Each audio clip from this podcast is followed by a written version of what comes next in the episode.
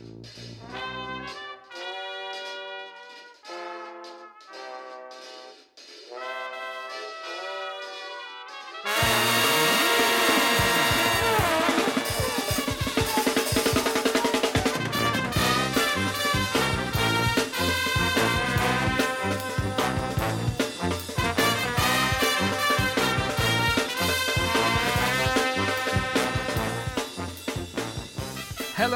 croeso i benod 59 o Ysbeidio Heilog gyda fi, Lee Jones. A fi, Llwyd Owen, lle byddwn ni'n rhoi sylw i'r pethau bach sy'n gwneud gwahaniaeth mawr i ni yn ystod y cyfnod honco di-ben draw hwn. So... Ie, yeah, diolch i chi am rando uh, ac i chi am dan ysgrifo. Dyn ni yn ôl yn bodlediad wythnosol llwyd. O, oh, ie. Yeah. Credwch chi'r fath beth ar ôl seibiant, uh, wel, oedd yn rhy hir, sori bawb, um, bai fi oedd hwnna. Ond ie, yeah, dyn ni'n ôl llwyd, Ydyn. diolch byth. Ni'n nôl ac yn well nag erioed, Lee. O, wel. Wel. Ti teimlo'n ner nerthol? Ydw, a mae fe gyn dibynnu ar y gysylltiad Wi-Fi di, fo'n onest. So, jyst gobeithio bod e'n cynnal ei hun ac yn biafio heno. Um, ond ie, yeah, un gwrandawyr hyfryd ni, uh, ni eisiau gweud bod uh, cyfle i chi um, wel, i gyfrannu, os ych chi eisiau prynu coffi ni, mae'r manylion i gyd ar ein Twitter ac ar ein Instagram, uh, ond ar wahân i hynny, os gallech chi just gweud wrth eich ffrindiau, rhannu, a uh, hoffi ar Twitter ac Instagram, mae hwnna'n helpu ni i gyrraedd clistiau newydd. Uh, yeah, a dyna beth sy'n helpu ni fwyaf, fi'n meddwl, ie, yeah, Eli? Ie, ti di anghofio rhannu beth i'r cyfeiriad Twitter ag Instagram. Dwi wedi anghofio beth yw'n... Na i camu i'r neilltu. um, felly ar Twitter, at ysbeidiau hei pod, ag at ysbeidiau hei log ar Instagram. Dwi'n meddwl, dwi ddim, dwi heb logi mewn ers spell. Probably. Na chi ffindio ni, chi'n gwybod beth i'n logo Siop Siafins, Lee. Siop Siafins. O, dyna un o fy hoff, uh, well, termau yn y Gymraeg yw shop shavings, felly dwi'n falch nes i ei eich dynnu o dywyfusau cil di llwyd. Um, hyfryd iawn. Um, Wel, nid jyst ni'n siarad drwy nôl amlaen uh, gyda'n gilydd yr wythnos yma. Mae gennym ni ein gwesta cyntaf ers dod yn ôl ati, ers mynd nôl at wyneb y glo yn y byd podgrefftio. Felly, uh, Pwy sy'n mallwyd? Reit e, wel i yn ymuno gyda ni heno, mae corn chwythwr sy'n pontio bydoedd cerddorol. Mae fe wedi bod yn aelod o'r band gwerin traddodiadol Fernhill es dros 15 mlynedd, troi fod hefyd yn arwain y band Birim sy'n ail ddychmygu cyneuon traddodiadol Cymreig mewn arddull jazz a'r band Camira, sydd yn un o cerddorion a cherddoriaeth o'r India gyda jazz ac alawon gwerin Cymreig. Mae fe hefyd yn aelod o'r band Seven Steps sy'n chwarae cerddoriaeth Miles Davis a dim byd arall. Ac ar ben hynny, mae'n cyflwyno cyfres jazz ar Radio Cymru. Neis iawn, yn wir, croeso mawr i'r sioe i Thomas Williams. Ti'n iawn? Siamai, diolch am gael fi. Weithio. yeah. Na, mae'n mae uh, ti'n bod, mae'n mae'n, mae'n gret cael ti fan hyn. Fi di, uh, ti'n bod, fi'n fi, fi fan mawr o dy raglen radio a dwi yn caru uh, allbwn um, byrym yn enwedig, ti'n bod. Ond ti jyst wedi dod, dod nôl o daith, neu ti wedi bod ar daith gyda Camira. Um, nath ddod i ben cwbl o nosweithau nôl, do, yn chapter. Ie, yeah, nos so, i o'r yeah. yeah. So ni jyst eisiau gofyn i ti rili, that classic tropey uh, question o, ti'n mo, siwt mae'n teimlo i fod nôl allan ar y rewl ar ôl be, cwpl o fynyddoedd yn, uh, yn, yn chwarae trwmped ar Zoom. Ie, yeah, na, mae fe'n ma fe wedi bod yn hyfryd, ti'n I mean, mae fe'n, mae peth yn sicr wedi mynd yn anoddach ers Covid, ti'n bod. Um, okay. uh, os chi eisiau bach o background, nes i, nes i actually wneud taith mis tachwedd llynedd, gyda band o'n i wedi rhoi lan gyda'i gilydd o'r enw Cwmwl Tystion, a ni wedi cael cwpl o heavy boys o Llundain, so eto Cinch a Offi Robinson ar hwnna. Nice. A nath Covid jyst o'r rhwygo'r daith na, a then llwyddo'n ni neud e, ond o'n i ar y pedwerydd drymau fi ar ôl yr ail gig, oedd e jyst yn, oedd pawb yn cael Covid, a oedd e, e jyst yn nightmare, oedd e'n anhygoel, a ni fel, right, all dim byd fod yn fwy stressful na hwnna ar y diwedd. Dwi'n nes i ni wneud e, oedd e'n mega, oedd y gigs yn great, oedd e'n fendigedig, a ti'n So wedyn ni, o'n i'n lain o lan y to yma gyda Cymira wedyn ni. A wrth gwrs, mae Cymira yn dod o India. Tri o'r boys, a mae tri o'n i o Gymru. So, diolch chi'n mynd am arian, chi'n aros am gweld os chi wedi cael yr arian gyda'r mental hijinks na. A wedyn ni, as chi'n clywed, greit, mae fe'n digwydd, oce, okay, it's on. So, hwnna'n digwydd nawr ym mis Medi. So, ath y boys am visas nhw, o'n i wedi bod yn e-bost nhw fel o mis Ebrill. Wait, come on now, guys, you know, cewch am y pethau ddim yn gweithio yn o ladyn fel o nhw oedd y rhyfel yn Ukraine newydd ddechrau, ti'n gwybod, oedd e fel, dyw e ddim yn, yeah, it's not good, ti'n gwybod, post-Brexit, post-Covid. So, eventually, nes nhw gynnig am visas nhw yn India diwedd mis Mehefin, yn meddwl ffain, o'n ni fel arfer yn cael nhw nôl mewn pethefnos. Wedyn nhw, yeah. gewn ni nhw nôl mewn 8 i 10 wythnos, wel, yes. maen nhw dal heb cael y visas, a mae'r taith wedi bod. Oh. So, so just esbonio ni, nethon nhw ddod ta beth? Na, o'n nhw'n methu passport, passport nhw yn y British High Commission yn Delhi. O'n nhw'n methu dod. So nes i... So, sure, is... So ni'n ar y diwedd fan'na, o'n i'n o lan, o'n Oedd rhaid chi, popeth o'ch chi moyn cwirio, chi goffa talu, so so, so, pawb, mae'r British Llywodraeth Brydeidd, moyn arian wrth pawb. Um, uh, yeah, so nath dim byd digwydd. So erbyn diwedd, rhaid ni dderbyn bod nhw ddim yn dod. So oedd y gig cyntaf di llun, di Gwener, o'n i fan am ffôn o rown couple of Indian connections y boys yn gweud, oh, there's a guy in Birmingham falle, neu there's somebody to it. Ond na, nath e weithio'n greu, ges i amazing sitar play o Llundain, when i di, oedd e di dysgu fi te 20 mlynedd yn ôl yn ei rhywbeth, a oedd e'n briliant, um, Jonathan Meyer, a nath e just jumpo mewn, gig gyntaf fe, oedd Gallery Cynarfon, nath e just gyrru Llundain, o Llundain i Gyrdydd yn y bore, a wedyn ni'n neidio yn i'r minibus gyda fi am hanner o ddeg yn y bore, beth di cwrdd fi, ni'n pigo lan gyda'r boys, mae fe mewn minibus gyda fel 5 dyn arall, dwi'n byth di cyfarfod. Ni'n gyrru lan i galeri, oedd e fel, oh, that was a bit of a long drive, wasn't it, boys? a ni'n neidio mewn, ni'n cael soundcheck slash rehearsal, a wedyn ni'n neud y gig. A oedd e'n brilliant, oedd e'n mega, oedd e'n great player, na, a oedd e'n gallu neud y gig cyntaf, a wedyn oedd e methu wneud y penwthnos, so gyda ni rhyw gai o Birmingham i ddod e lawr i wneud y sarangi. so hwnna oedd y daith. Hyn, ti'n fawr, so oedd e ddim yn sŵn, oedd e ddim, yn, oedd e ddim fel, ti'n fawr, o ie, mae Covid wedi mynd, ni'n ffain, oedd Covid wedi mynd, ond oedd jyst y hasl arall yma, oedd e'n anhygoel. So, jyst i, jyst i wirio nawr, ac i gadarnhau, ti, ti bod ar daith gyda hanner y band a tri boi nath jyst troi lan i chwarae, heb unrhyw fath o ymarfer. So the y boi mae heb ymarfer gyda chi? Geson ni, yma, well, geson ni ymarfer ar y penwthnos cynta, a swn i fod cael ymarfer am doi ddydd yn chapter. So neswn ni hwnna, oedd y gitarist chwarae teg yn fwy, o'n i'n nabod Dan Missouri o enwe. Fe, mae fe'n wario gyda Aiden yn dysgu, fi'n credu bod dati dysgu. Nag. Oh, cari dysgu yn dwi. So fe'r fe gitarist ar hwnna. So dwi, so dde gallu cymryd am y daith gyfan. A wario teg, nath e'n ei gwaith catra fe, nath e troi lan, fully loaded, ready to rock. Ti'n meddwl, oedd e'n mega, oedd e'n great. Oedd y tablet play yn dod draw o mae fe'n lwcus yn byw yn San Francisco yna, mae wedi symud yna, so dde'n teithio'r passport American, so dde'n gallu cyrraedd. So wedyn ni, dim ond un, dim ond y gair y sarengi a sy'n canu o'n i goffod uh, fel, diod, cael rhywun oedd o'n chwarae rhyw fath o offeryn traddodiadol Indiaidd, neu o'ch chi'n teimlo byddech chi fel yn gwerthu'r gynulleidfa bach yn bryn, ti'n Mm. So lle oedden ni'n neud hwnna. A wedyn ni hefyd oedd Edith Crawford yn canu gyda ni, a mae hi jyst yn mega, mae'n anhygoel, so ti'n Oedd yn hyn dde, oedd, e- oedd, e- the show or the thing and great. Must go on, the show yeah. must go on, Thomas. Ond ond oedd y stress o'r wythnos cyn yn oh, anhygoel, oh, oedd e'n anhygoel. Fi'n siŵr. Nawr, I mean, be ni'n siarad am hyn? Ti'n siarad am gerddorion virtuosos fan hyn, a fi'n fi cynnwys ti yn hwn, right? Ti'n anhygoel o chwaraewr yn dweud ti. A mi, a, a ti'n mo, fi, fi, fi, fi ddim yn disgwyl i ti fynd, ie, ydyw wrth gwrs, ond ti yn, rai, dim ond just yn ffaith. Ond os, os y ti'n, os y ti'n, ti'n mo, chwarae trwmped ag yn rhan o fan sy'n just yn neud cefys Miles Davis, mae hwnna'n golygu bod rai bod ti'n gallu chwarae trwmped yn eitha golew. Mae hwnna, mae hwnna, that's a given.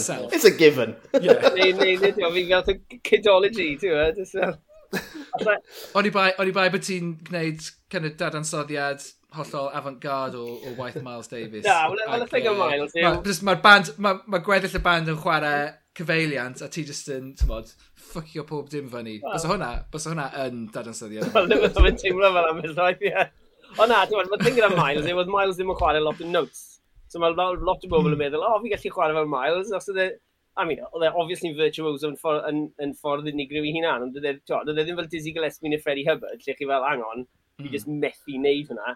So mae yna elfen mm. Miles, well, he's the go-to guy, achos, ti'n ond obviously mae fe lot fwy na hwnna, am, oedd ei gerddoriaeth ei fel fi offi gweud bullshit detector Miles yn anhygoel, ti'n fawr, oedd e bron popeth mm. mae wedi roedd yn hollol amazing, ti'n fawr, so... Yeah, I suppose, I, I suppose mae'n ma hawdd chwarae stuff mae fe wedi cyfansoddi, Ond mae'n anodd i fyrfyfyrio yn yr un ffordd a fe. Ydy, ie. Yeah. Na kind, na, kind yeah. of it. O, beth, beth sy'n ddon dda am y band na, yw mae fe'n complete no-stress gig. I mean, fi'n gwybod fi ddim, ta ddim fi yw Miles Davis. Mae pawb sy'n fyna'n mm. gwybod ta ddim fi yw Miles yeah, Davis. Yeah. Ond... yeah, yeah. Ar wahan yr deillion. Ond mae fe jyst yn ffordd o wario music fi byth yn cael y cyfle i wario. Mae lot o fe fel yn mm. real swing, hard swing, proper jazz A fi'n mm. really hmm. mwynhau y gigs. A mi ni, ni ddim wedi gigo na ers 2018. So mae'n rhywbeth fi'n mwyn rhoi at i gilydd am flwyddyn nesaf, taith bach arall i Seven Steps. Os mae fe'n gymryd o hwyl, a ti'n chi'n rhoi enw Miles Davis ar y poster, a fel yn gweud, maen nhw'n gwybod hmm. bod Miles wedi marw, ond mae pobl yn troi lan. Ie. Wel, dyna'r thing hefyd ti'n gwybod, di pobl ddim yn disgwyl i rhywun neu i fan ddod at ei gilydd i chwarae cneuon rhywun fel Miles Davis yn gyhoeddus a bod yn fatha, ti'n bod, dyn nhw ddim mynd i fod yn sloppy, na gyn nhw, achos mae yna ma enw yna iddyn nhw ceisio byw fyny at y fe, ti'n bod, a Ie, ie, na, mae mae'n ma sicr yn wir, ie. Mae'n rhaid chi bod bach yn bowls i meddwl bod chi'n gallu neud e, yn siŵr, ond ti'n bod. Mm. Mae fe'n kind of peg, mae fe'n kind of, ie, yeah, mae lot o'r cynnig yna, fi just, fi just moyn chwarae nhw, so dde fel right, fi ddim moyn just, mm. trial chwarae nhw, so chi'n fel meddwl, ie, yeah, allan ni roi set at ei gilydd, Yn ddigon diddorol, um, gai yn Iwerddon nath sort of trigro hwn, ges i wahodd i Iwerddon, oedd e'n rhoi fel Miles Band at ei gilydd. A Dave Jones sy'n wario piano yn byrrym wedi gweithio gyda'r gain, a dde ti ar gymryd fi fod yn mael. Ti'n fel o, I know a trumpeter, sy'n nefel ddigwyddo fe. Wave, ti'n 2015 neu rhywbeth, so cwpl o gigs cyntaf, oedd fel yn Wexford, a Kilkenny, a Waterford. A dde just fel, o, oh, oedd hwnna, hwnna nath roi spark i fi feddwl allan ni wneud yn Gymru fi'n credu. Oedd fel, hang on, mae hwn yn lot o hwyl, a mae'r music mae'n greit i chwarae, ti'n bod? So, o hwnna nath sefn, ar, ar y pryd o'n i'n meddwl gwahodd e draw i wneud e fan hyn, ond wedyn ni nath i jyst endo lan, oedd e'n haws i iwso cyddorion lleol, os o'n i'n methu garantio mm. tal iddo fe, ti'n gwybod, so dechreuon ni wneud hmm. e'n lleol, a wedyn ni cael hwyl, ti'n gwybod, nes o'n i'n taith fel, ti'n gwybod, hollol self-funded, dim, uh, yeah, neu, ti'n gwybod, door takes, ond achos oedd e fel ni'n gweud, yr enw Miles ar y posters, oedd y door takes yn dda iawn, lot well na to byrwym ydyn ni'n neud yn four takes. Mae pobl jyst yn dod... Mae nhw'n gwybod bod Miles di marw ond yn dod. Byrwym featuring the Welsh Miles Davis. Na beth ti eisiau rhoi arno fe? Miles Davis plays the music of Byrwym. Na beth ti eisiau nesaf.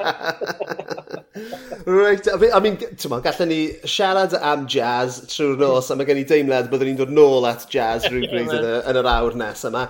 Ond uh, Cyn hynny, mae gyda Elisas Jones uh, gwestiwn pwysig iawn i ofyn i ti, Thomas. Dwi, dwi heb gofyn y cwestiwn yma ers spel, felly gad i fi just chwythu'r llwch ohori. Uh, Tom, be di dy hoff gaws di? Wel, fi di meddwl yn ddwys yma, a ti'n meddwl, dyn ni wedi rhai eich penodau blaenorol, neu gryndo yn hytrach. So fi ddim yn siŵr os yw rhain yn outliers, neu beidio, ond caws Almaeneg i nhw. Ych chi'n mewn i cawsys o Almain? Be, fel roi ti... smoked. Na, mae ti'n siarad am fel Bavarian smoked. Na, yeah, go on, sa'n gwybod lot mwy na hynny. Ie, yeah, ddim y smoked rydych chi'n gallu cael yn Tesco, ti'n gwybod. So, um, mae yna doi fath sy'n dod yr un lle. Cambazola, a wedyn oh. os chi eisiau fel The Thinking Man's Cambazola, mae dati Montagnolo. So chi beth i cael ei na? Camberzola, fi fi'n caru Cambazola, ond i ddim yn gwybod taw o'r Almain oedd Cambazola yn dod, yeah. O, dim syniad y fi.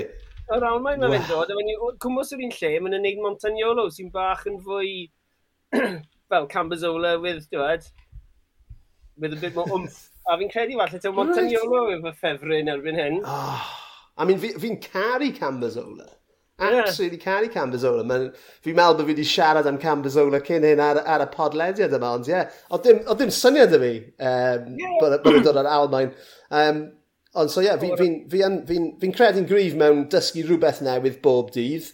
So dyna fi am hanner di wyth yn nos wedi dysgu yeah. rhywbeth heddiw.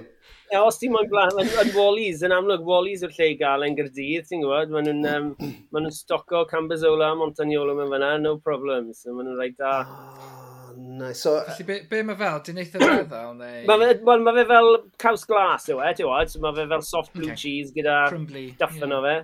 Um, ond mae fe fwy blasus na. I mean, y caws arall o'n i'n mynd i wei, ti'n bach yn amlwg, ti'n Os ych chi yn Ffrainc, fi'n hoffi mae'r caws, ti'n wad. Mae bris i fel ar fi'n gadael y bwrdd llifoddi ar y plach, mae'n kind of good vibes hefyd. ti'n gwybod? Ond ia, I mean, na, na beth yw Cambazola, ynddo fe, yw fel caws gwyn meddal, ond gyda gwythiennau glas drawllyd drwy fe, ynddo fe? So mae fe fel... Yeah, I, yeah. I don't know, so, so bri sydd yn marw yn araf. Um, sy'n yeah, sy swnio'n afiach, ond mae fe'n blasu'n hyfryd. A beth am, beth am yr un arall? Beth, beth, disgrifio'r un arall? Ydy hwnna just yn rhywbeth tebyg, just mwy Padredig. Ydy, mae Montagnolo jyst yn fwy, it's fel Cambazola Mark, dwi'n super Cambazola. Mae fe'n debyg iawn, mae fe'n, mae fe'n, i fi, mae fe'n well, mae fe'n fwy blasus, mae fe'n slabyn bach fwy o gaws, mae Cambazola yn eitha tenau, ynddo fe, mae Montagnolo tipyn fwy dwfn, so mae'r ma chunk yn fwy o chunk, ti'n fe? Ond mae fe'n mega, man, mae Montagnolo yn great mae hwnna'n swnio yn hyfryd tu hwnt yn union be fi'n hoffi. I mean, I mean mae Lee fan hyn sy'n hoffi gofyn y cwestiwn yma, ni gyd yn gwybod, mae rhaid, ma rhaid fi atgoffa pawb, but bydd yw Lee ddim un o'n bwyta caws. Oh, so, um, no. so fi dde byth yn, byth yn gwybod uh, am, am yr hyfrytwch yma. Ond uh, gwertha fi te, um, a ti'n ti, ti byw uh, draw yn Rhegana, so gen i, gen i weld pa mor... Or tymo, upper middle class wyt ti nawr Thomas Williams a uh, beth wyt ti'n cael gyda dy gaws? Be, tymo, ba fath o accompaniment wyt ti'n cael? Wyt ti'n cael Branston Pickle neu wyt ti'n mm. cael rhywbeth bach bach mwy jazzy? Wel, mae'n aml dyn ni ddim yn cael dim i fod yn onest, sicr fydden ni sicr ddim Branston Pickle, ti'n wed? Na, dim Branston Pickle. Branston Pickle yw fel, ti'n wed? the Benny Goodman of uh, She's a Compliment. Love it. Byddech chi well off yn mynd am rhywbeth, ti'n bach, gyda bach fwy o... Mae chutneys yn gallu gweithio neis man, ti'n bod, kind of standard chutneys, ond gyda'r stuff um, a cawsys, gwyn a wythiennau, mae fel ti'n gweud glas, ddim eisiau dim byd lot anyn nhw, ti'n Yeah. Os ti fi, ti'n dywed, fe chydig yn dosbarth canol, gwydred y wyn coch yna gyfe, ti'n gwybod? Yeah, baby. Yeah, well, yeah, wrth gwrs, sim, sim, just cadw yn syml yma, cadw yn syml. Yeah. Um, Ac yn arwen mlaen o'r, or cwestiwn am, uh, am gaws, um, ti wedi teithio'r byd yn perfformio. O'n i'n uh, yn darllen amdan ti heddiw, nawr fi'n fi, gwybod bod ti wedi bod i Japan, Vietnam, Gwlad Pwyl, Patagonia, a fel ni wedi clywed, Iwerddon.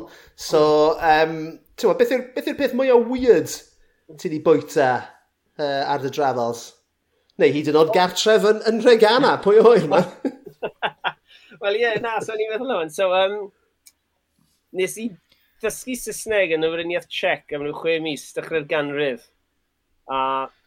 A nes i ddod i abod y lle. Lle oed i fynd i ddysgu Saesneg? Wel, yn wir, dwi'n dwad. So, um, ar, fel ail iawn. Yn gymryd, so o'n nhw gyd yn siarad fel Saesneg na fi ar fynd diwedd.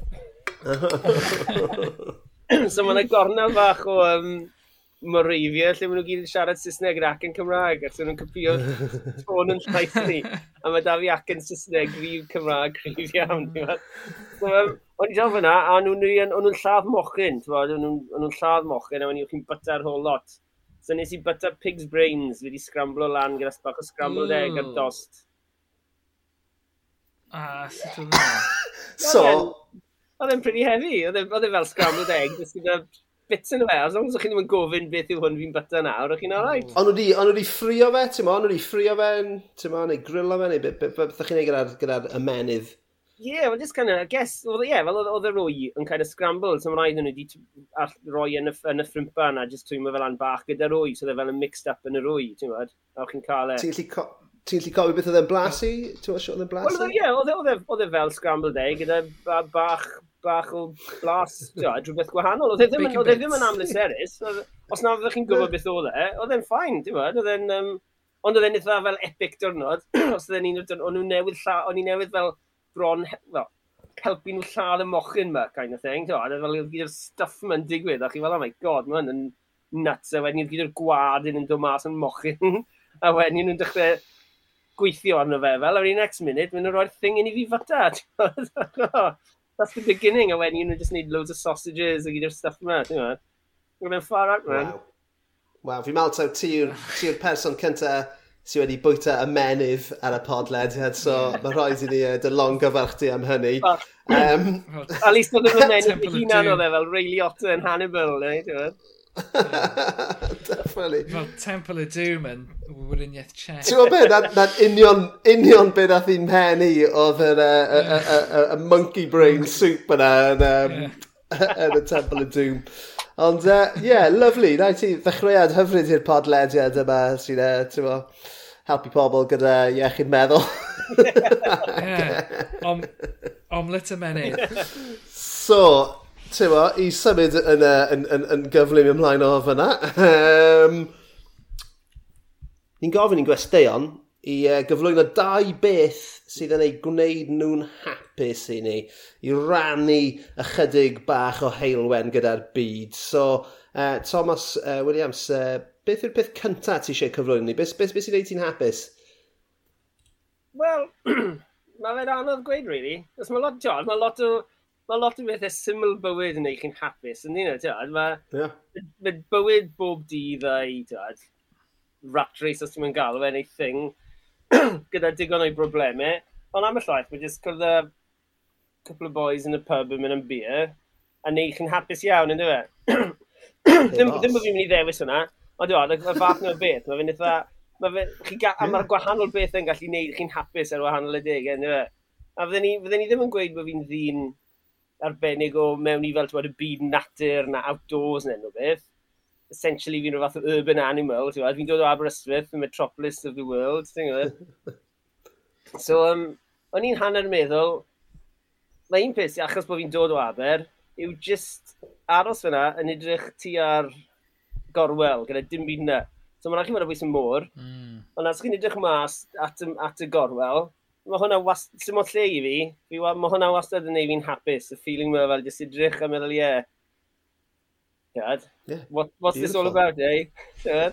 O, oh, na, perffaith. A ti'n mo, ti'n ti crybwyll Aberystwyth fyna, ni'n ni, gweld lluniau dyddiol bron o'r machlyd uh, e, dros y pier yn Aber gyda'r efere, uh, sa'n gwybod, beth, beth, beth yw'r um, y, yr adar, efe dridwy nhw sydd yn byw yno fe? Ie, yeah, dridwy, dridwy sydd yn paso trwyddo yn gyda, ie. Ie, ti'n ma, ma, ma, ma, ma, ma, ma, ma, ma machlid o, wel, ti'n mo, gorllewin Cymru yn, yn gyffredinol.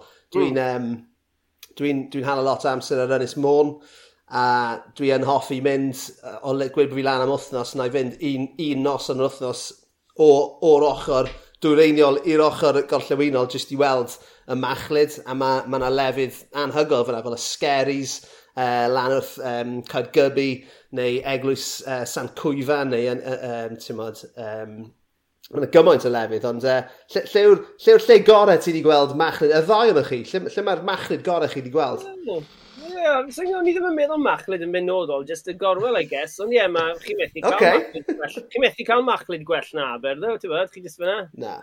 Na, hwnna yw'r machlid. Mae fe'n um, yeah. ma full on, dwi e, ti'n bod?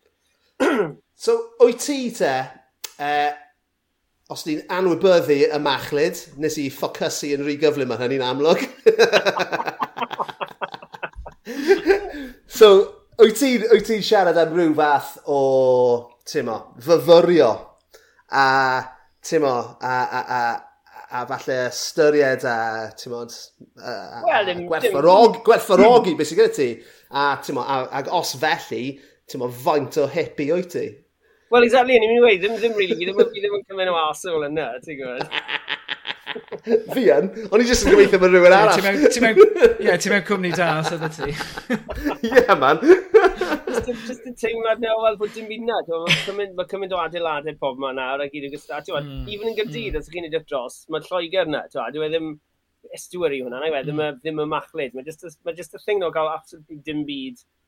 Just yn rhywbeth eitha hmm. cool. Um, obviously. Mae hwnna, ie.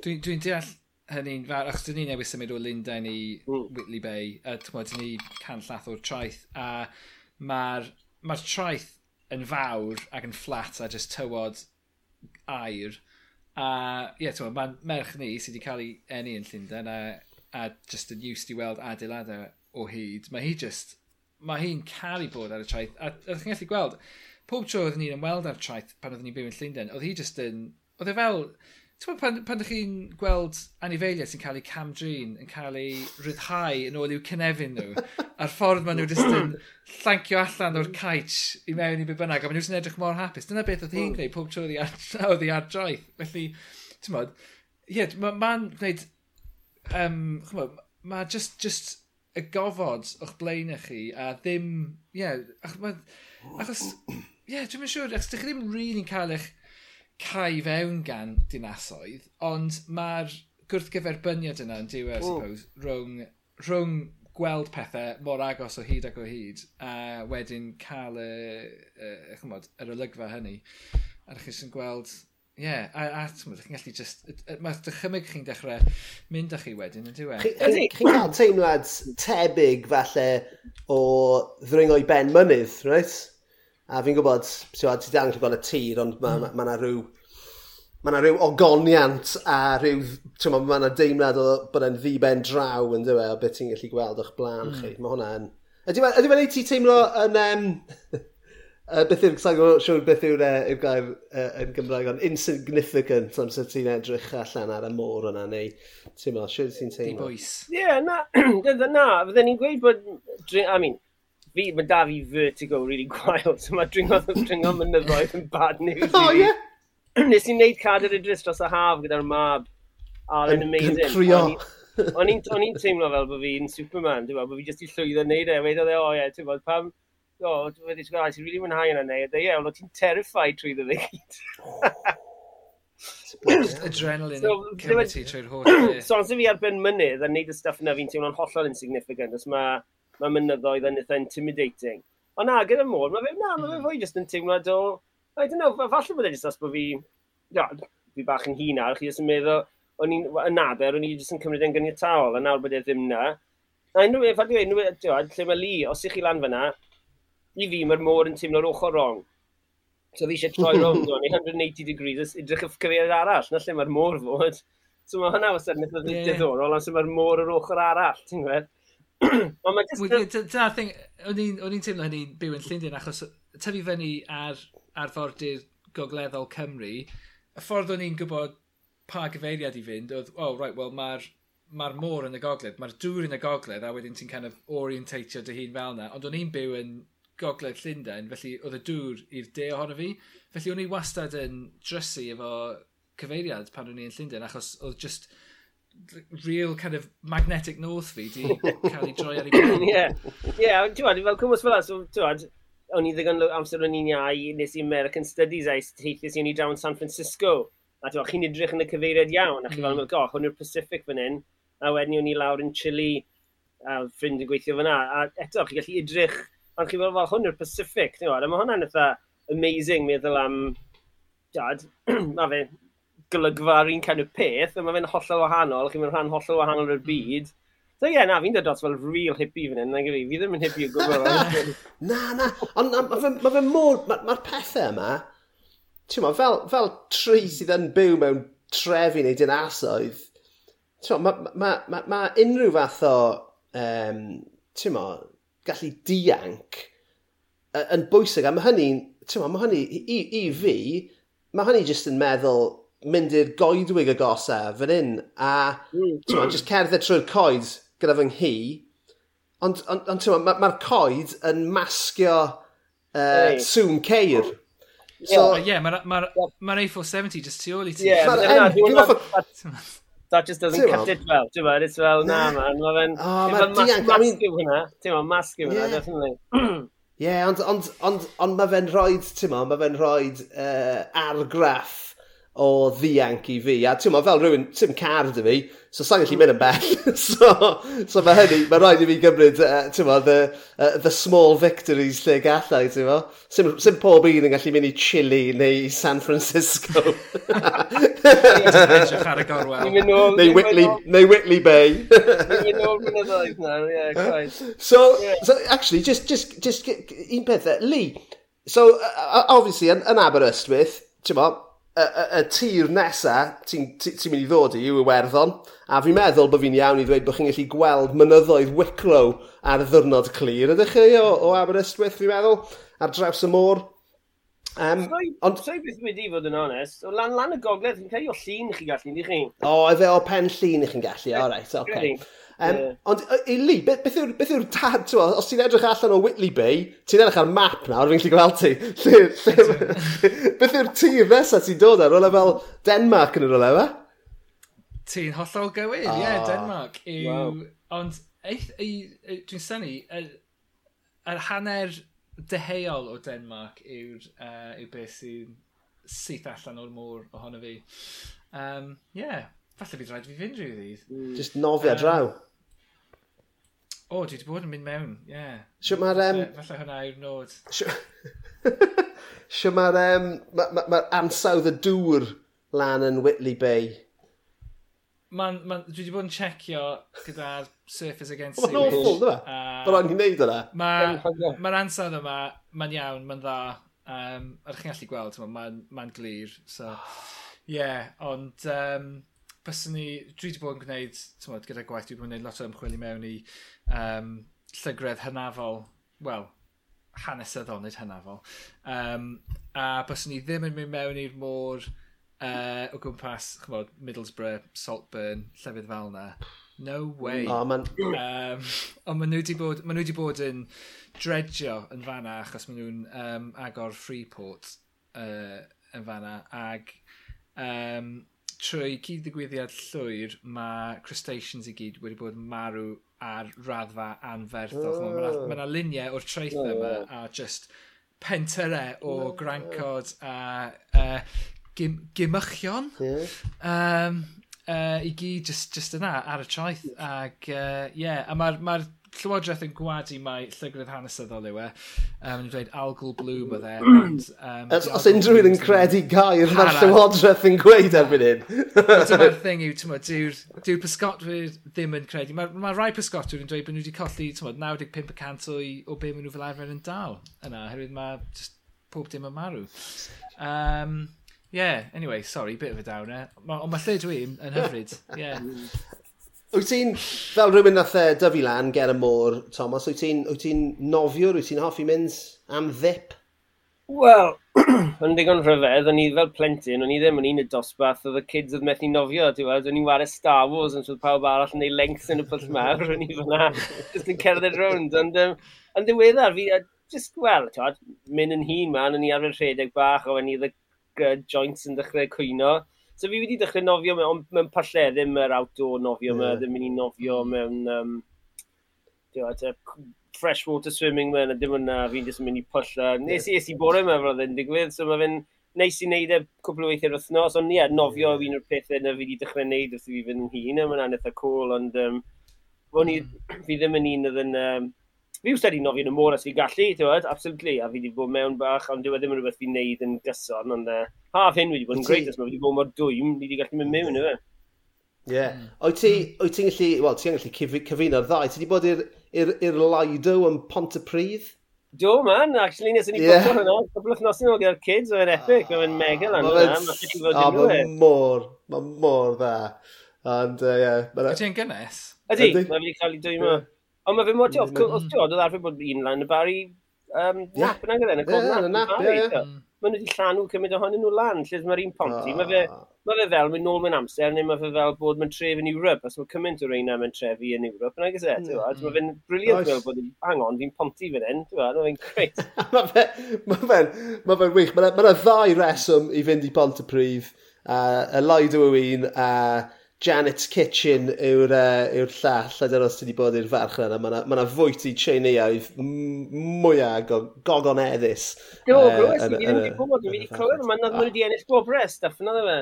Do, do, mae'r ma, ma, ma bwyd, fi wedi bod yn y ddwyweth yn y misoedd diwethaf, mae'n anhygoel, so ie, yeah, dyna tip yr wythnos. nice one, nice. so, uh, so well, yeah, well, cyn, cyn i ni fynd ymlaen, o'n i'n mynd i ddweud, ti'n uh, yn union pan nes ti ddweud uh, am y gorwel, uh, Tom, y peth cyntaf nath ddod i fy meddwl i oedd Moana, achos uh, dwi'n siŵr bod chi'n gyfarwydd gyda Moana, uh, ac wrth gwrs mae hi'n canu am um, y linell rhwng y môr a'r awyr sydd yn ei galw hi. Wyt ti erioed yn clywed yr alwad hynny mm. gan, gan y linell. Yr unig broblem gyda Moana yw, mae fe'n good film, ond mae Dwayne Johnson yn neud un o'r voiceovers yn y... A mae'r gai na jyst yn mynd ar tits fi. so mae fe'n kind of spoiler whole film. Fi'n methu rili mwynhau ffilm. Fi'n yma Moana yn greit, mae'r ffilm yn greit, mae'r yr um, subliminal messaging yn greit. Ond mae'r gai na, fi ddim yn llais e, jyst yn mae'n rhywbeth fi lan y ffordd rong. So, um, allai honestly weid, fi byth yn meddwl am Moana, byth, ond fi'n meddwl am unrhyw beth. Yn bositif. na ni te, na ni, dyna, dyna'r ateb pendant iawn fyna. Um, yeah, so dyna ni. Um, ateb uh, hyfryd i ddechrau fyna, uh, Thomas. So, um, ma, beth yw'r yw ail beth ti eisiau cyflwyno i ni, uh, i ni heno? Wel, Yr ail beth, oedd e'n mynd i fod yn beth tebyg iawn, a fi wedi dod dros efo cyfer y hippi, mae'n rhaid fi newid meddwl fi nawr, yn ydych ffas. Panic nawr, panic llwyr yma. Panic llwyr. O'n i'n mynd i weid, o'n i'n mynd i weid. Ti'n farfyfyrio ar y podlan. O'n i'n mynd i weid, o'n i'n meddwl exactly un peth nawr, o'n i'n meddwl nawr, sydd y teimlad ma, ddim hwnnw we, obviously, ond fel the big sky feeling, os ydych chi'n mynd rhai gwledydd, ydych chi'n fel mm. epic awyr yma, sy'n lot yng Nghymru neu yn y hemisphere gogledd. Well, I don't know, falle bod e'n rhywbeth Ewropeol. Chi'n teimlo mae'r awyr yn eitha isel, ynddo e? Lle sa'n sych yeah, fel... ti'n hollol iawn. Craw yn America neu rhywle, mae'r awyr yn lot fwy, mae fe'n lot uwch. A fi'n wyndro sy'n fe fel a, falle yn Rysia yn y llefydd fi ddim wedi bod i, ti'n gwybod. Ond, um, so ni'n mynd i weid, fel the Epic Sky, yn fi wedi dod drosodd fel cymaint o asol. fi'n mynd i newid yn meddwl i. A na i weid, um, na i just weid rhywbeth straight down the line, na i just weid cerddoriaeth yn gyffredinol. Ond cerddoriaeth yn y cyd-destun, lle ti'n dwi e ddim yn rhywbeth chi'n neud, jyst rhywbeth, chi'n clywed rhywbeth, a wedyn wedi'n cael, ah, ie, mae'n greit, ti'n gwybod, allai fe fod yn James Brown baseline, neu dwi'n clywed bach o hip-hop, neu oedd priodas yn mrawd yng i nôl y mis Mai. A I guess, o'n i ddim wedi clywed dim cerddoriaeth byw ers, ti'n gwybod, cwbl o flynyddoedd achos Covid, a llaregu mewn ware.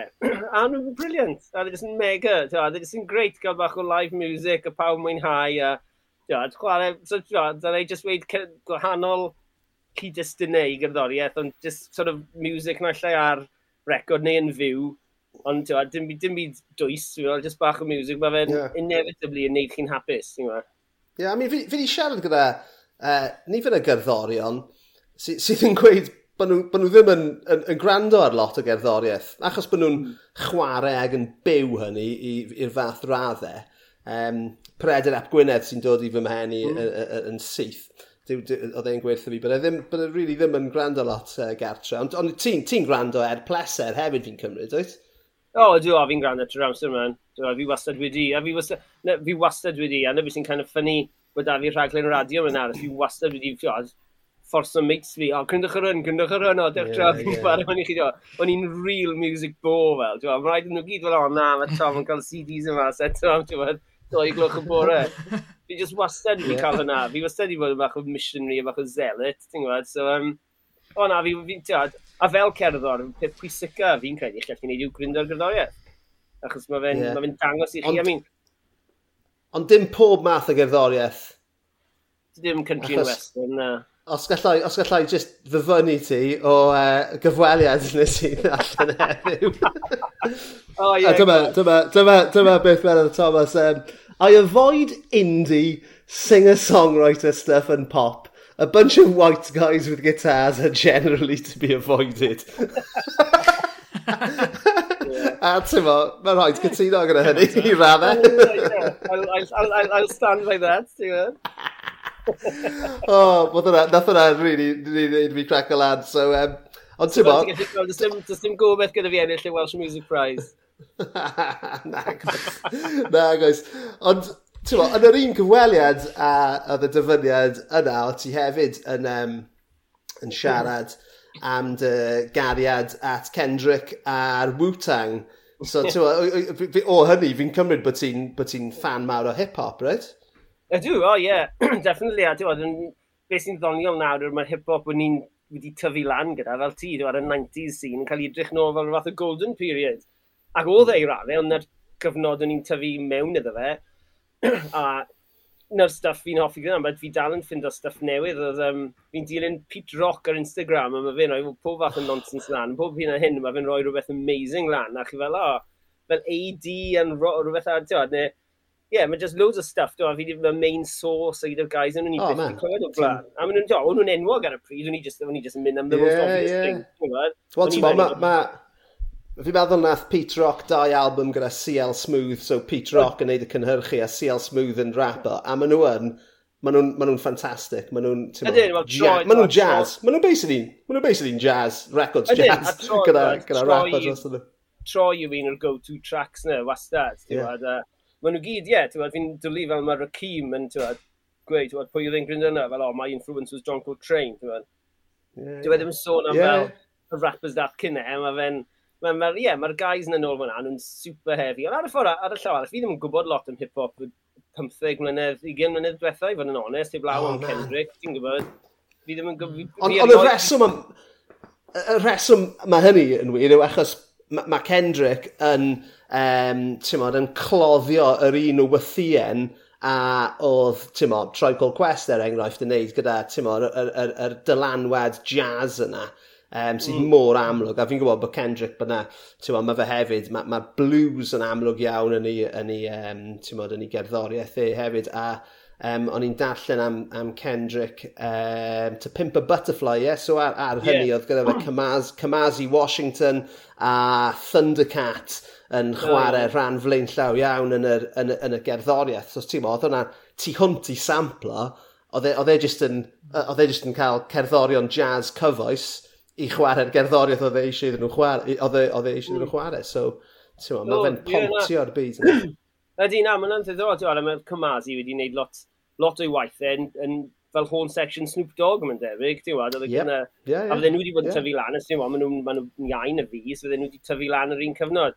Ond beth sy'n ddiddorol am yr album Kendrick Nuts, Pimp a Butterfly, sydd yn, tad, mae fe'n amazing album, a mae Kendrick fel nes to, mae fe'n artist, mae fe'n ma fe, ma fe mynd tu hwnt i gerddoriaeth, ti'n mae fe'n, ma fe, dim ond cwpl o bobl fel Kendrick sydd yn fyw ar ddeiar ar un pryd, ti'n mae fe'n absolute mm un o'r guys sy'n gallu cyfuno barddoniaeth, cerddoriaeth, social history, popeth. Ond y taith yma ni, ar yr album, os ti'n edrych ar y tracks yma, ti'n maen pawb off, Cymasi Washington ar yr album yna. fi'n methu clywed Cymasi ar yr album yna, gwybod?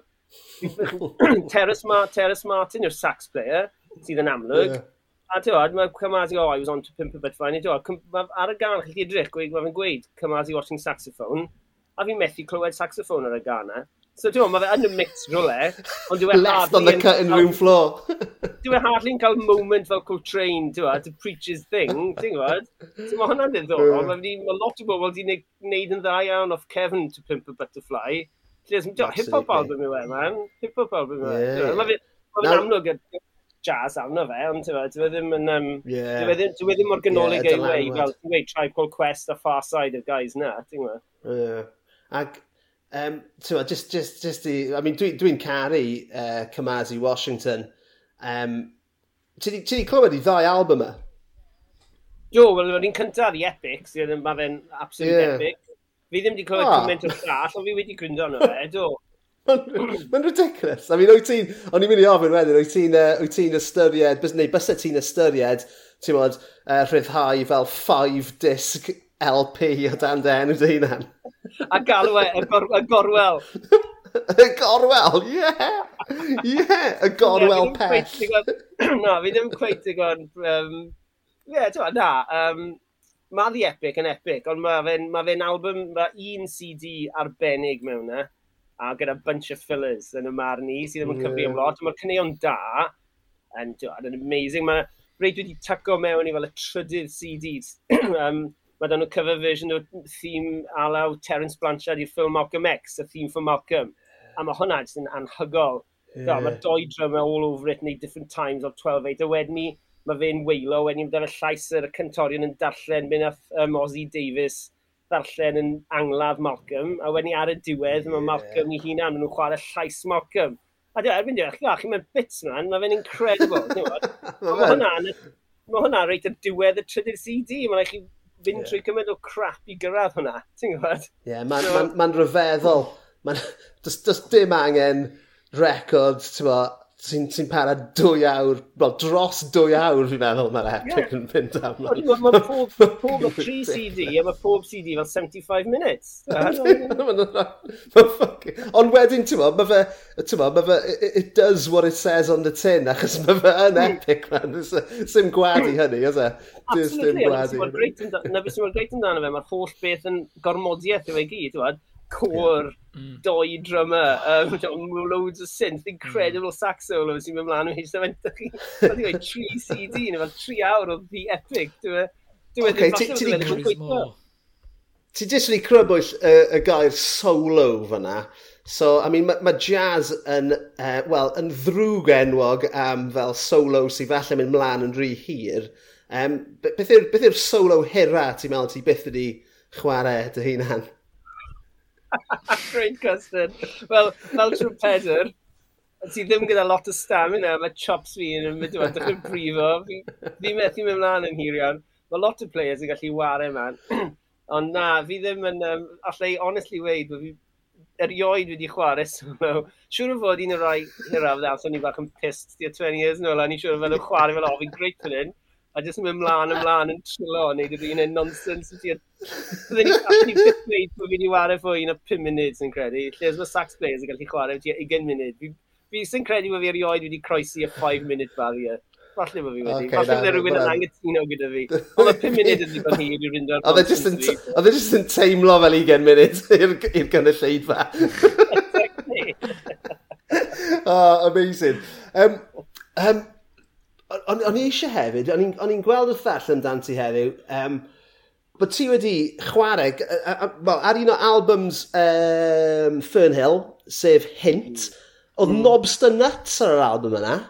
Nawr, o'n i eisiau siarad i ti am Nobster Nuts, cos o'n i'n fan anferth o'r Headcase Lads a Sionky a Loose Tunes a Nobster Nuts. Ti'n o'n i'n yeah. siarad 20 mlynedd yn ôl. Yeah. A ma, ma nhw just, mae ma knobs yna trwy diflannu. A does na ddim, does na ddim, does na broedd dim byd ar-lein amdano fe. Ac o'n i jyst yn meddwl, wyt ti'n ti, ti gwybod lle mae e? Yw e dal yn fyw? Fi'n eitha hyderus bod e dal yn fyw.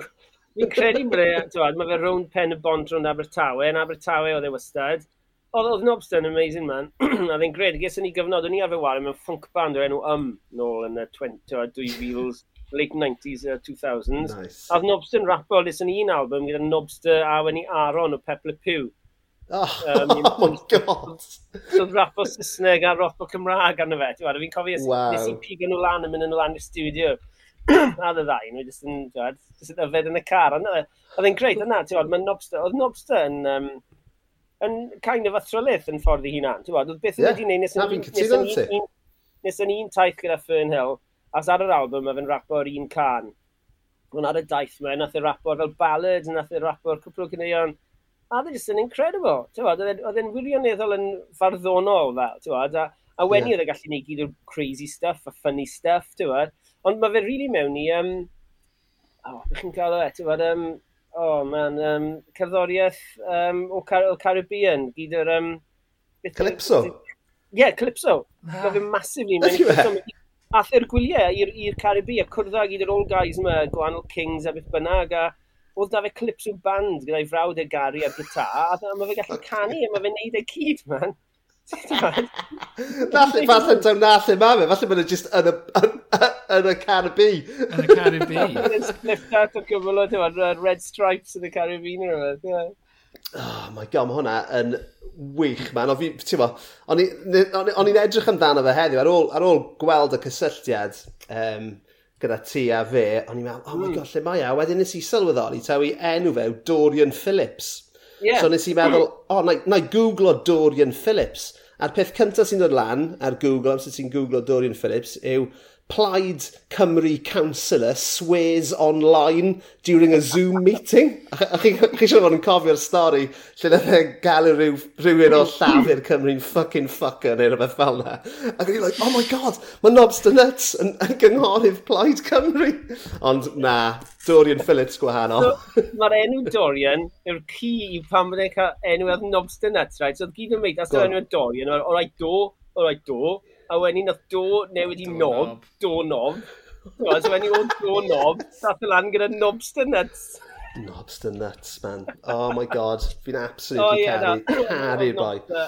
Na ddim fwy ffein ofnadw, ac sy'n cwbl, great hangs, a great sgyrsiau, a then fod yn fwy ofnadw o ddifur. A... Yeah. Lliog, a ti'n oedd yn gallu gwneud popeth, ond ie, yeah, un o'r um, rough jewels na, hidden gems of Dorian. Absolutely, absolutely. A wedyn... Oedd y dal mas, na fi'n siŵr yn neud i doing his thing, ti'n gwybod? Okay, wel, mae hwnna'n wych ma. Ni wedi cael really, really mwynhau uh, sgwrsio gyda ti ar y benod yma. Um, ond cyn i, cyn i ti fynd, um, mae jazz i lot o bobl yn, ti'n mo'n, anhygyrch, reit? Ti'n mo'n, mae lot o bobl yn cael trafferth fath o wneud unrhyw gysylltiad gyda jazz, am pa bynnag reswm, I mean, um, so, y cwestiwn sydd gyda fi i ti, fel arbenigwr yn y maes, fel cerddor, fel DJ, fel, ti'n mo, rhywun sy'n gwybod i stwff. Um, beth yw'r LP, neu'r LPs, uh, neu'r gan, bys y ti'n argymell i rhywun sy'n honi bod nhw ddim yn offi jazz o gwbl, mm. fel y, y, y, y, y fath o'r porth at fyd newydd yma. Cyn, cyn i ti ddweud, gad i fi... O, mae Lee yn mynd i... Uh, wneud hyn o'r edrych. Gweld os dwi'n gallu darogan Dwi'n mynd i weld os dwi'n gallu darogan. Na i sgwennu lawr beth dwi'n meddwl. oh, wow, ie. Yeah. Uh, uh, okay, dwi wedi sgwennu rhyw... Dwi'n meddwl, os nad ydw i'n gywir gyda'r album, dwi'n meddwl dwi'n gywir gyda'r... Gyda'r artist. Ond mae hwn yn big claim, mae hwn yn big claim. Achos, ti'n mae jazz, mae jazz yn anfydd, a mae na, ti'n mo, cam mlynedd o hanes yna. Uh, but, you know, let's give it a go. Okay, then. So, right, then. Ken amdani. So, sawl, sawl, I mean, sound go fi'n cael. Dwi'n gallu fel enwi tri neu dau neu beth. Ie, definitely. Ie, yeah, yeah, absolutely. Ie, yeah, yeah, tri. Achos ie, ti eisiau bobl, ti'n modd, okay, so, Cymryd... Wel, beth gath, beth gath fi mewn i jazz oedd... Um, beth ydych chi'n galw'n hard bop, sef fel y Blue Note sound. So, fel couple of vinyl heads, fi'n siŵr mae Blue Note just yn incredible. Great covers, great music. So, o'n i mae doi... Wel, mae loads o amazing tracks, ond... Um, y trumpedur Lee Morgan, oedd yn eitha canolig, os oedd yn chwarae kind of funky, really bluesy kind of sound. So nath e ddod yr album mas yn enw The Sidewinder, a mae'r gan The Sidewinder, oedd e'n big hit ar y pryd, Mae'n kind of roth y boogaloo shuffle yw e, so mae fe'n un gallu tapwch traed chi, a dawnsio os chi'n moyn, ti'n mae fe'n track eitha hir, mae fe'n cael good blow, mae Joe Henderson yn cael sax solo, mae Barry Harris yn cael piano solo. So ti'n falle bod e bach yn hir i'r um, pobl newydd, ond mae fydde fe'n rhoi syniad i chi o y fath yna o deimlad. A'r trac arall Lee Morgan wedi yw Monin gyda Art Blakey. So, mae Lee Morgan yn eitha canolig i fel gysi mewn i jazz. A fi'n credu bod e'n chwarae'r fath o jazz fydde yn ysbrydoli uh, diddordeb falle. so fydden ni'n mynd am The Sidewinder. A fydden ni'n gweud falle da, o'r whole Blue Note catalog sydd yn eitha dweud mawr, o ran cael rhywun mewn i jazz, bydde'r Sidewinder yn lle da i ddechrau. So mae hwnna yn put my head in the block. Oedd yna gyda ti tili? na. Na gwyth, na gwyth. Na, mae Lee di mynd am rhywbeth a lot mwy basic. o'n, o'n, o'n i'n meddwl. Lewis Armstrong. O'n i'n meddwl. Fi ddim wedi gorffen eto, fi ddim wedi gorffen eto. Ok, ok, hang on, hang on, yeah, go on. so, mae hwnna'n un, a wedyn ni, yeah, well, sy'n gwybod really. I mean, eto mae fe'n kind of blue note tywad, stuff fel, um, the Grant Green, oh, rhywbeth funky gyda Grant Green, bach o Hammond Organ, you can't go wrong, ti'n bod fel, um, Painted Funky Now neu unrhyw beth yna ddyn nhw ar e. Mae'r ma, ma, ma un greit, ond ti'n gwybod, mae hwnna'n cael ei gysylltu wedyn gyda fel y jazz, yr acid jazz revival i radd, yn dwi e, ti'n gwybod. So, so mae hwnna yn eitha amlwg falle, ti'n gwybod, ond mae fe'n great stuff. Mae fe'n great stuff, ti'n gwybod. Um, yeah, mae fe'n anodd. Y Blue Note sound yn nath gael fi mewn, yn, yn sicr, ti'n gwybod. Um, Wel, mi'n allech chi mynd am rhywbeth tipyn fwy amlwg fel Fydden ni ddim yn gweud kind of, nes i ffindo kind of blue yn struggle ar y dechrau, achos mae fe mor berffeth. Ond mae fe'n eitha deep, yeah.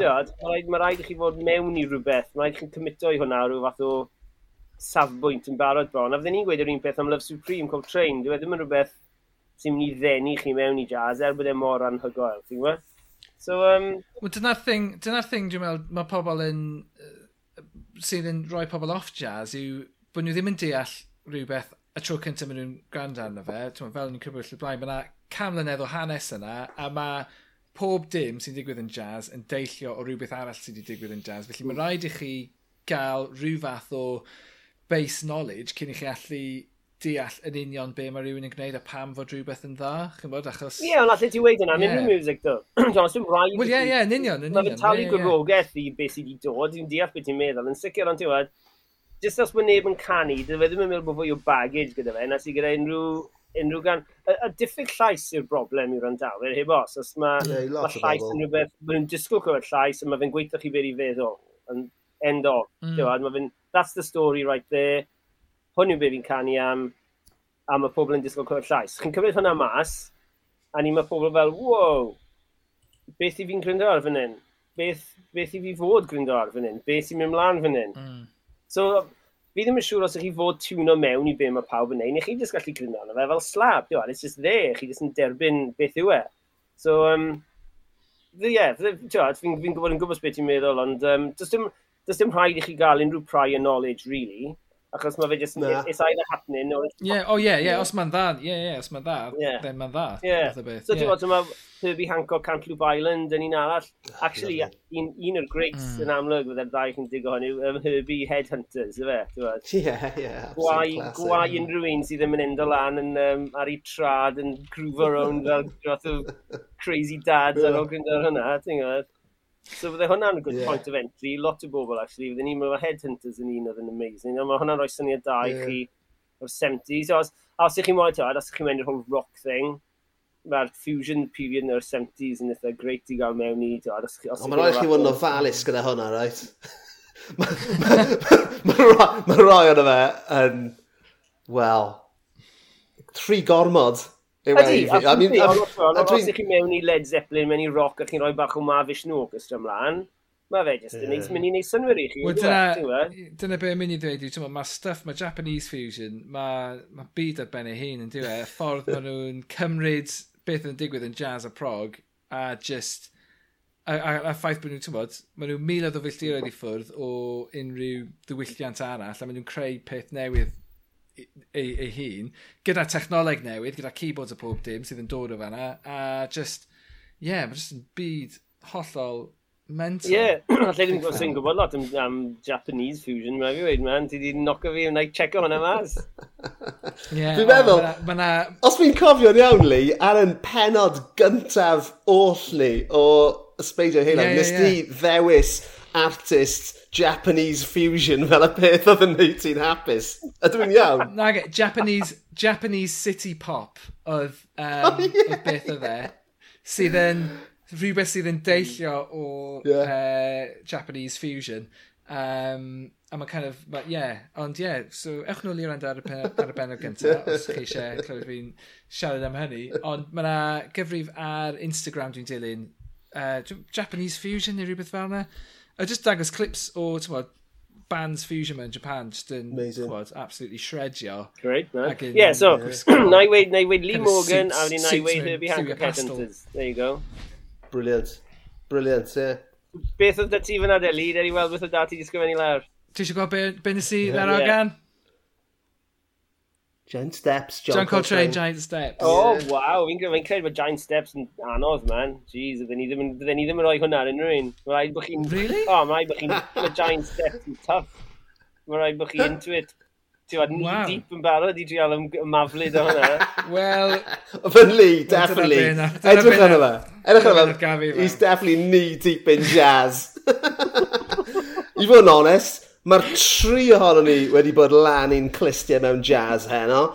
Ac, um, yeah, diolch, diolch fil i ti am dreulio awr gyda ni heno, Thomas. Mae wedi bod yn, yn, yn wych, uh, just, ti'n mo, clywed ti'n siarad am y pethau ti'n caru, a'r pethau sy'n neud ti'n hapus, a gobeithio bydd hwnna, ti'n mo, yn neud rhai o'n grandawyr ni i deimlo yr un peth. So, ie, yeah, just eisiau gweud diolch yn fawr i ti, ac, ie, uh, yeah, newn ni weld ti. Actually, ni fel arfer yn, yn gweud bod ti'n gallu rhoi plugs.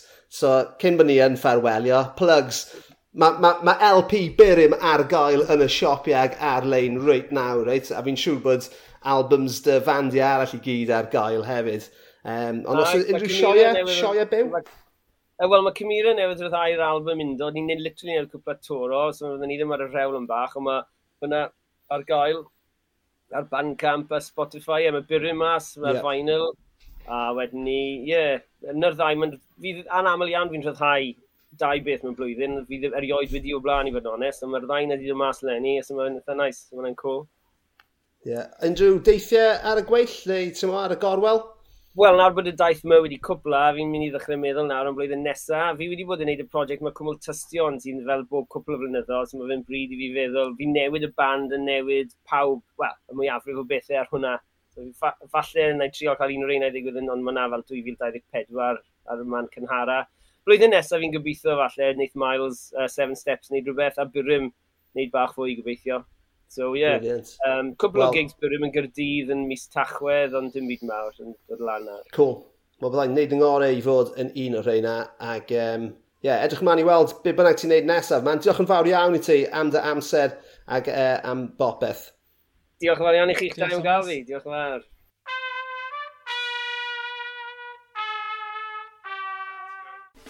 Wel, dyna ni am benod arall. Diolch yn fawr iawn i Thomas Williams am fod yn westau cyntaf wrth i ni dod yn ôl mor dda.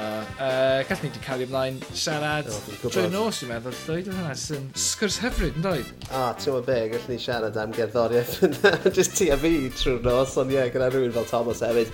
Uh, dod o bach o arbenigedd i'r peth hefyd, ond na, oedd hwnna'n gret. Um, so diolch i Thomas, wrth gwrs, diolch i chi am rando a cofiwch i'n dilyn ni, a'n hoffi ni, a'n rhannu ni, a prynu coffis i ni ar lein Um, a'r manylion i gyd ar ein cyfrifon Twitter at ysbeidiau hei pod a ar Instagram ysbeidiau heilog. Ie, yeah, rhanwch yeah. y gair da. Ie, yeah, wir. A tan y tro nesaf. Neith Ta-da! Oh, I see what you did there, don't you?